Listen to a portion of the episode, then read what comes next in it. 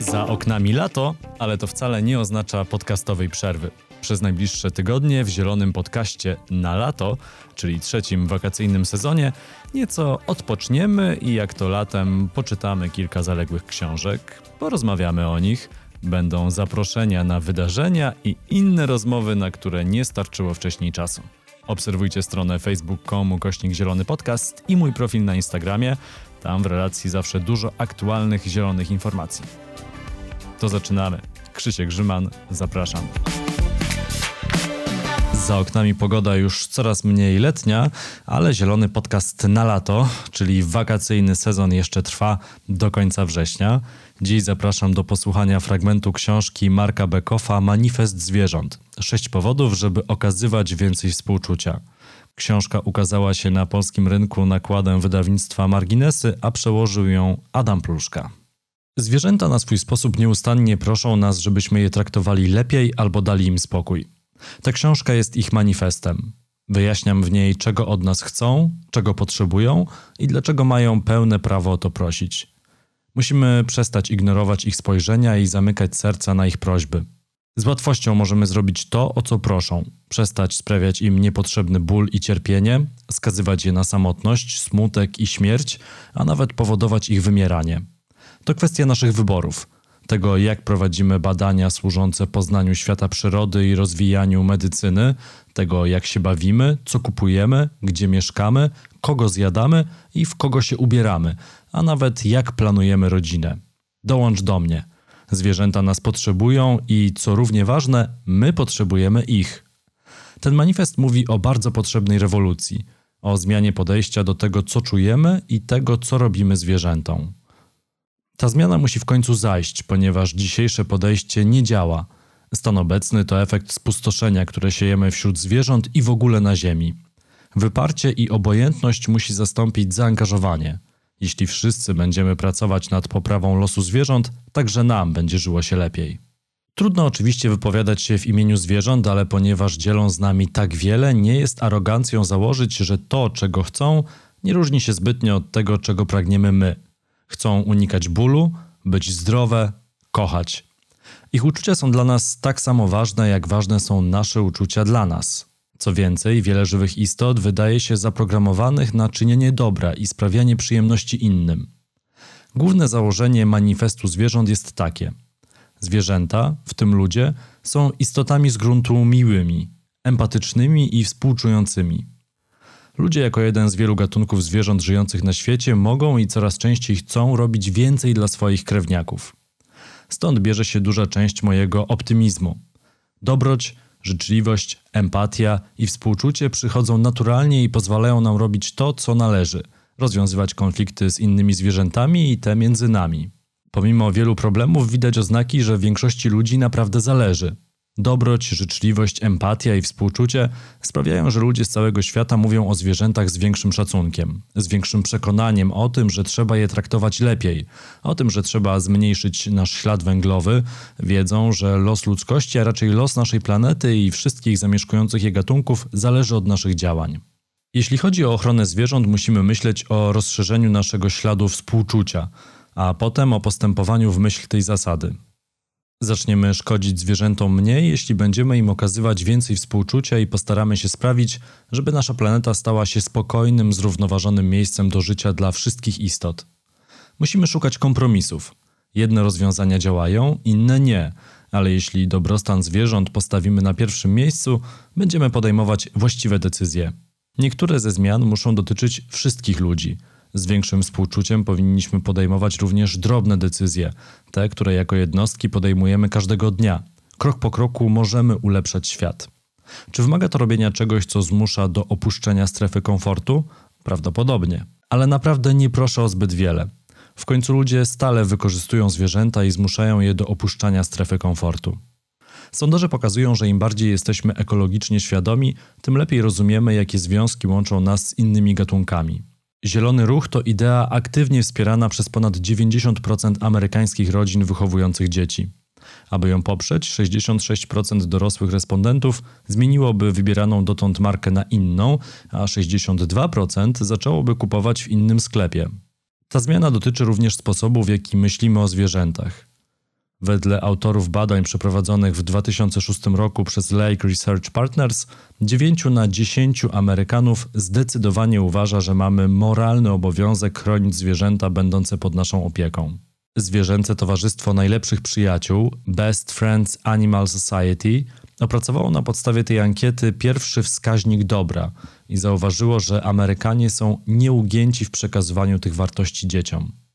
Best Friends podsumowali, że większość ludzi jest gotowa nieść pomoc.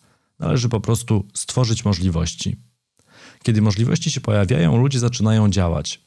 Ankieta przeprowadzona przez Instytut Galupa w 2008 roku wykazała, że w ciągu ostatnich pięciu lat 55% Amerykanów dokonało co najmniej drobnych zmian w stylu życia w celu ochrony środowiska, a 28% przyznało, że dokonało poważnych zmian w swoim stylu życia.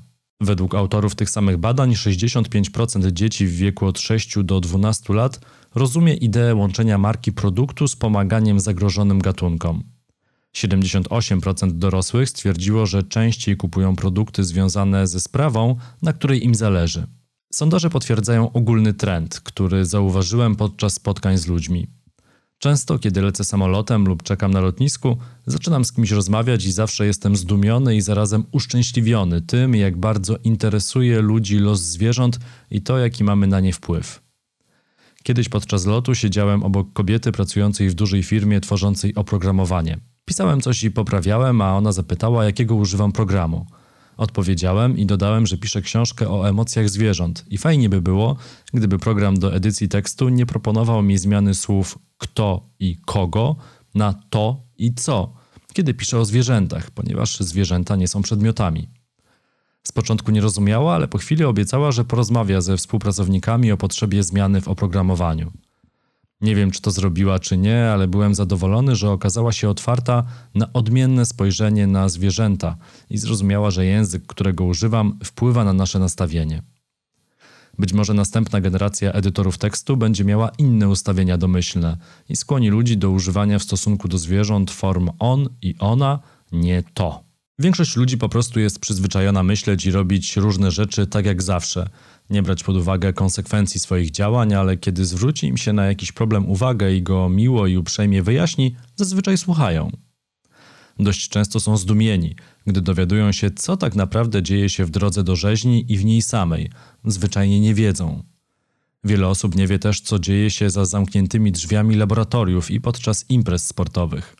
Gdy ujawnia się to, co ukryte, sprawa często trafia na pierwsze strony gazet. W maju 2008 roku, kiedy leciałem do domu z Barcelony z międzynarodowego sympozjum na temat zwierząt, w gazetach całego świata pisano o klaczy Eight Bells.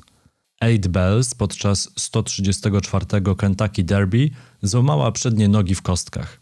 Bezużyteczna już, choć młoda klacz musiała zostać poddana eutanazji, zabita na oczach widzów na torze Churchill Downs, nie w jakiejś zacisznej stajni.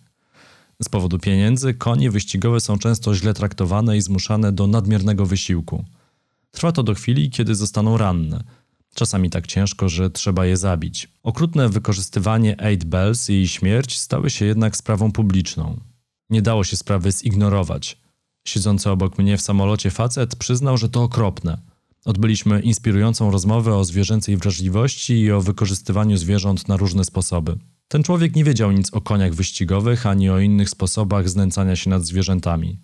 Ale powiedział, że chciałby wychować swoje dzieci w dobrym i pełnym współczucia świecie, a ten incydent i nasza rozmowa wzbudziły w nim chęć robienia niektórych rzeczy inaczej. Super. Może dlatego, że mieszkam w miejscu przez niektórych nazywanym Ludową Republiką Boulder, na 64 km2 czystej przyrody w Colorado są tacy, którzy moje przywiązanie do potrzeby okazywania współczucia i opiekuńczej strony ludzkiej natury uważają za chrzanienie życzeniowe. Ale jak się przekonamy, za moimi przekonaniami stoi solidna dawka wiedzy.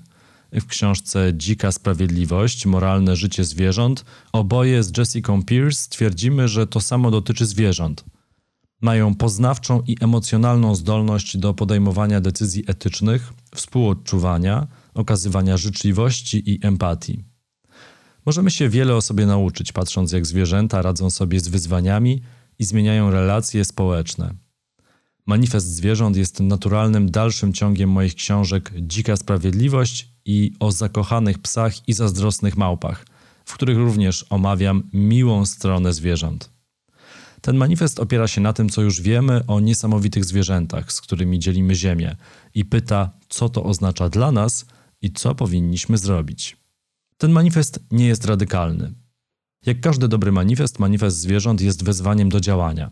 Przytaczam fakty mówiące o wrażliwości i emocjach zwierząt i sprawdzam, jak wpływają na system wartości ludzi. Innymi słowy, swobodnie łączę naukę z etyką, moralnością i emocjami. To wezwanie do działania adresuję do różnych grup: do ogółu społeczeństwa, do polityków, do tych, którzy żyją w wieżach z kości słoniowej, do organizacji humanitarnych i obrońców praw zwierząt, do tych, którzy podejmują oddolne inicjatywy i do osób prywatnych, do tych, którzy decydują się zwierzęta poznawać, pokazywać, rozmnażać albo przetwarzać. I do tych, którzy starają się, żeby zwierzętom żyło się lepiej. Wszyscy mogą się dowiedzieć więcej o życiu naszych bliźnich i zmienić podejście, zgodnie z którym ludzie pracujący na rzecz zwierząt i środowiska naturalnego są postrzegani jako radykałowie lub ekstremiści. Nikt nie powinien przepraszać za miłość i nikt nie powinien się wstydzić uczuć. Czy wiemy wszystko, czego można się dowiedzieć o umysłach i emocjach innych zwierząt? Na pewno nie, ale wiemy wystarczająco dużo, żeby zmienić nastawienie. Niektórzy naukowcy nadal są sceptycznie nastawieni do emocjonalnego życia zwierząt, ale pogląd, który reprezentują, choć kiedyś dominował, szybko traci znaczenie. Przekonamy się, że trudno po prostu ignorować rosnącą liczbę solidnych badań dotyczących wrażliwości zwierząt. Musimy odwrócić tę kwestię i przerzucić ciężar dowodu. Niech sceptycy udowodnią, że zwierzęta nie mają bogatego życia emocjonalnego. To również jeden z aspektów zmiany podejścia, której się domagam. Niech najbardziej radykalne stanowisko stanie się wątpliwe. Ważne, aby stawiać wątpliwościom czoło. Niektórzy twierdzą, że życie jest zbyt krótkie, żeby brać się za bary ze sceptykami, ale moim zdaniem życie jest za długie, żebyśmy pozwalali, by obowiązywało niesłuszne, sceptyczne podejście do wrażliwości zwierząt, ponieważ pozwalamy w ten sposób na zbyt dużo cierpienia, na znęcanie się nad zwierzętami. Sceptycy często podnoszą stawkę. Mówią, że większość ludzi trudno uznać za istoty czujące. Zdarzają się też naukowcy odrzucający dowody anegdotyczne, uznający je za nieważne w dowolnym kontekście. Ja jednak zgadzam się z moim przyjacielem, filozofem Dalem Jamisonem. Liczne dowody anegdotyczne to dowody. Etologia narracyjna, termin ukuty przez Jessica Pierce, jest doskonałym sposobem poznawania życia zwierząt. Po opublikowaniu spostrzeżeń na temat ceremonii pogrzebowej odprawionej przez sroki, podczas której oddały hołd zmarłemu towarzyszowi, stały wokół niego w milczeniu, lekko dotykały jego ciała, a potem odleciały, żeby przynieść źdźbła trawy i położyć je na zwłokach. Dostałem mnóstwo maili od ludzi, którzy widzieli ten sam rytuał u krukowatych srok, wron i kruków. Te świadectwa, choć nie dostarczyli ich naukowcy, są danymi i rzucają wyzwania nauce. Trzeba je udowodnić lub odrzucić. Badania naukowe przeprowadzane dziś w warunkach kontrolnych wyraźniej niż kiedykolwiek potwierdzają to, co widzą nasze oczy. Czy czymś radykalnym jest wyciąganie z tych faktów etycznych wniosków? W 2009 roku, gdy prezydent Barack Obama mianował profesora prawa z Uniwersytetu Harvarda Kasa Sunsteina szefem Biura do Spraw Informacji i Prawodawstwa, nadzorującego wdrażanie przepisów dotyczących konsumentów zdrowia i ochrony środowiska, niektórzy uważali, że to posunięcie radykalne. W styczniowym numerze magazynu Mother Jones napisano, że zdaniem Centrum Wolności Konsumentów Sunstein jest ekstremistą, ponieważ oprócz wielu innych powodów powiedział kiedyś, powinny istnieć szczegółowe regulacje dotyczące wykorzystywania zwierząt w celach rozrywkowych i naukowych, a także w rolnictwie. Sunstein uważa również, że polowanie dla sportu i zabawy, nie w celu pozyskania żywności, powinno być niezgodne z prawem, a wyścigi hartów, testy na zwierzętach i handel mięsem zwierząt hodowanych w nieludzkich warunkach powinny zostać zakazane. Opowiada się za wprowadzeniem szczegółowych przepisów regulujących wykorzystywanie zwierząt i przeciwko polowaniom dla sportu, ale je mięso i nie ma żadnego tajnego planu wymuszenia na Amerykanach wegetarianizmu. Napisał także, że byłoby przesadą zakazać eksperymentów, które do pewnego stopnia powodują cierpienie szczurów lub myszy, jeśli efektem tych eksperymentów są znaczące postępy w odkrywaniu nowych leków dla ludzi. Czy to naprawdę radykalne podejście? Próbować chronić zwierzęta przed niepotrzebnym cierpieniem i ich domy przed niszczeniem, a jednocześnie nie obarczać ani nie narażać nadmiernie ludzi? Jeśli zwierzęta potrafią myśleć i czuć, co czują i co myślą o tym, jak traktują je ludzie? Co by nam powiedziały i o co zapytały, gdyby mogły mówić ludzkim językiem? Oto, jak moim zdaniem, wyglądałby ich manifest. Po pierwsze, Ziemia jest domem wszystkich zwierząt. Musimy współistnieć. Po drugie, zwierzęta myślą i czują. Trzecie, zwierzęta współczują i zasługują na współczucie. Czwarte, więź rodzi troskę, alienacja rodzi brak szacunku. Piąte, świat nie okazuje zwierzętom empatii. I wreszcie szóste, kierowanie się współczuciem jest dobre dla wszystkich istot, dla całego świata. Czy taki manifest jest radykalny?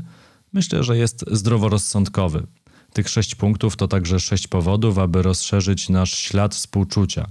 Są rozwinięciem pomysłów, o których pisałem z Jane Goodall w książce The Ten Trusts 10 przekonań.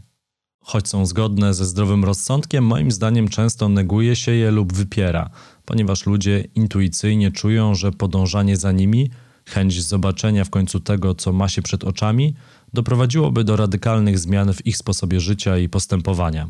To trudne, ale nie niemożliwe, a w dodatku już to robiliśmy. Warto pamiętać, że ci, których na początku uważa się za skrajnych radykałów, nie zawsze są w błędzie. Nie kierują się sentymentami i nie uważają natury za milusią. Kiedy Rachel Carson opublikowała Silent Spring, Cicha Wiosna, twardogłowi naukowcy szydzili z niej a potem dowody, które przedstawiła jej przewidywania dotyczące katastrofalnych skutków stosowania pestycydów i toksyn, niestety okazały się słuszne. Od tego czasu dokonaliśmy w swoim życiu poważnych zmian, aby chronić środowisko. Wielu badaczy krytykowało Jane Goodall, gdy jako pierwsza nadała imiona szympansom, których życie studiowała. Nie wierzyli, że widziała, jak David Greybeard używa źdźbła trawy, aby dosięgnąć termitów, dopóki nie pokazała nagrań dokumentujących to przełomowe odkrycie. Na początku lat 60. XX wieku stwierdzenia, że zwierzę ma indywidualną osobowość uzasadniającą nadanie mu imienia i że może tworzyć i używać narzędzi, myślano, że zdolni do tego są tylko ludzie, były herezją, szaleństwem. Oba są dziś oczywiste. Kiedy upieram się, że zwierzęta, w tym ludzie, w zasadzie są dobrzy, jestem w doborowym towarzystwie. Psycholog z Uniwersytetu Kalifornijskiego w Berkeley, Ducker Keltner, który również mieszka w mieście często kojarzonym z superpozytywnym myśleniem, w książce Born to be Good z gruntu dobrzy, dowodzi, że mentalność skłaniająca do rywalizacji, opierająca się na selekcji naturalnej, nie jest tym, co tak naprawdę nas określa, a już na pewno nie musimy tacy być, żeby żyć wygodnie. To nie jest bezpardonowy świat, świat, w którym silniejsi zjadają słabszych. Bycie życzliwym i dobrym oznacza także zachwycanie się różnorodnością kulturową. W różnorodnym i często skomplikowanym świecie to konieczność. Wiemy również, że ma na nas wpływ to, co robią inni. Jeśli dostrzegamy współczucie, jesteśmy bardziej skłonni je okazywać. Współczucie rodzi współczucie, szlachetne czyny rodzą szlachetne działania. Ponadto otrzymujemy z powrotem to, co dajemy – jeśli kierujemy się współczuciem i robimy to z pokorą, sercem i miłością, nasze podejście może stać się zaraźliwe, zacząć się rozprzestrzeniać. Może to dla nas być szansa, żebyśmy się wygramolili z głębokich dołków, które wykopaliśmy dla zwierząt, dla siebie i dla skrajnie dziś zagrożonych ekosystemów. Wiemy, że dobrze jest być miłym. Kiedy współpracujemy, przepełniają nas przyjazne uczucia. Ostatnie badania z użyciem obrazowania neuronowego przeprowadzone przez Jamesa Rillinga i jego zespół pokazują, że współpraca aktywizuje w naszych mózgach ośrodki nagrody. Uwalnia się wtedy dopamina, która dostarcza nam natychmiast przyjemności i wzmacnia takie zachowania. To ważne, bo dowodzi, że uprzejmość w interakcjach społecznych dostarcza nam satysfakcji i sama w sobie może być bodźcem skłaniającym nas do współpracy i uczciwości. Ludzi i inne zwierzęta z pewnością mogą być dla siebie podli. Niemniej współpraca i współczucie mają kluczowe znaczenie. Dzięki nim możemy istnieć i współistnieć z innymi istotami. Dlatego jestem optymistą. Sądzę, że dzięki ciężkiej pracy i cierpliwości będziemy w stanie poprawić jakość życia innych zwierząt, rozszerzając ślad współczucia. Dacher Keltner, mówiąc o naszej dobrej naturze, posługuje się konfucjańskim pojęciem ren, które odnosi się do życzliwości, humanitaryzmu i szacunku i proponuje koncepcję proporcji ren. W życiu należy zwracać uwagę na stosunek dobra i otuchy do zła i cynizmu. Ta proporcja jest jednym ze sposobów mierzenia śladów współczucia. Mam nadzieję, że akademicy, aktywiści i ludzie zainteresowani pokojem na świecie uznają tę książkę za interesującą i zainspiruje ich ona do zrobienia czegoś więcej dla zwierząt i ziemi. Mam nadzieję, że mój program nie wyda się Wam radykalny. W tym celu wyniki najnowszych badań naukowych zaczerpnięte z czasopism akademickich przeplatam z anegdotami, które znam z mediów, które usłyszałem od różnych ludzi i które są opowieściami z mojego własnego życia. Chciałbym przekonać wszystkich, że musimy pomagać zwierzętom i chronić ich siedliska. W ciągu tych trzech lat, które minęły od ukazania się o zakochanych psach i zazdrosnych małpach, dowiedzieliśmy się masy rzeczy na temat uczuć i emocji zwierząt. Chcę się tym podzielić. Zamiast wygłaszać tyrady przed już przekonanymi, chciałbym zaapelować do tych, którzy się ze mną nie zgadzają, ponieważ wśród nich właśnie zachodzą zmiany. Dla każdego z nas prawdziwym wyzwaniem jest życie w zgodzie z własnymi przekonaniami. Musimy to robić każdego dnia, choćby metodą drobnych kroczków, także wtedy, gdy musimy opuścić strefę komfortu. Myślałem o umysłach zwierząt, jakie są i co w nich jest, wiele lat i tak naprawdę pisałem ten manifest od bardzo dawna. Przeprowadziłem wiele badań i dużo pracowałem w terenie. Moi rodzice mówili, że wsłuchiwałem się w zwierzęta, odkąd skończyłem 3 lata. Już wtedy intuicyjnie czułem, że zwierzęta są inteligentne i że okazują emocje. Potrzebowałem dziesięcioleci żmudnych naukowych dociekań, żeby się przekonać o tym, że miałem rację. Nauka wciąż próbuje dogonić to, co tak wielu z nas już rozumie. Okazuje się, że nasze przewidywania są rozbrajająco słuszne i że powinniśmy sobie pogratulować. Jest to również kwestia po prostu zwracania większej uwagi na to, co wokół nas. Dobrze pamiętam, jak obudziłem się pewnego ranka i postanowiłem, że będę mieć w gabinecie nowe okno. Takie, które będzie wychodzić wprost na drzewo. Teraz, 20 lat później, jestem bardzo szczęśliwy z powodu tej decyzji. Mój przyjaciel Tim, który je wstawiał, uważał wtedy, że oszalałem. Ale to okno wychodzi nie tylko na wspaniałe drzewo. Często, kiedy piszę, po pniu śmigają małe jaszczurki. Przystają, wpatrują się we mnie i robią pompki, jakby chciały powiedzieć: To moje terytorium. A piękne modrosójki czarnogłowe skrzeczą, jakby rozgłaszały, że to także ich dom. Przychodzą lisy rude, sikają na drzewo, jakby mówiły, że należy do nich. Zjawiają się też wiewiórki, zatrzymują się, zaglądają do środka i radośnie ruszają dalej. Widzieć je wszystkie to cudowny dar. To był fragment książki Marka Bekoffa Manifest zwierząt. Sześć powodów, żeby okazywać więcej współczucia. Książka ukazała się w Polsce nakładem wydawnictwa Marginesy. Można ją kupić na stronach Marginesów, także w formie e-booka oraz w dobrych księgarniach. To był Zielony Podcast na lato. Kolejny odcinek w niedzielę. W wolnym czasie zajrzyjcie na stronę facebook.com kośnik Zielony Podcast i mój profil na Instagramie. Bądźmy w kontakcie. Krzysiek Grzyman, do usłyszenia.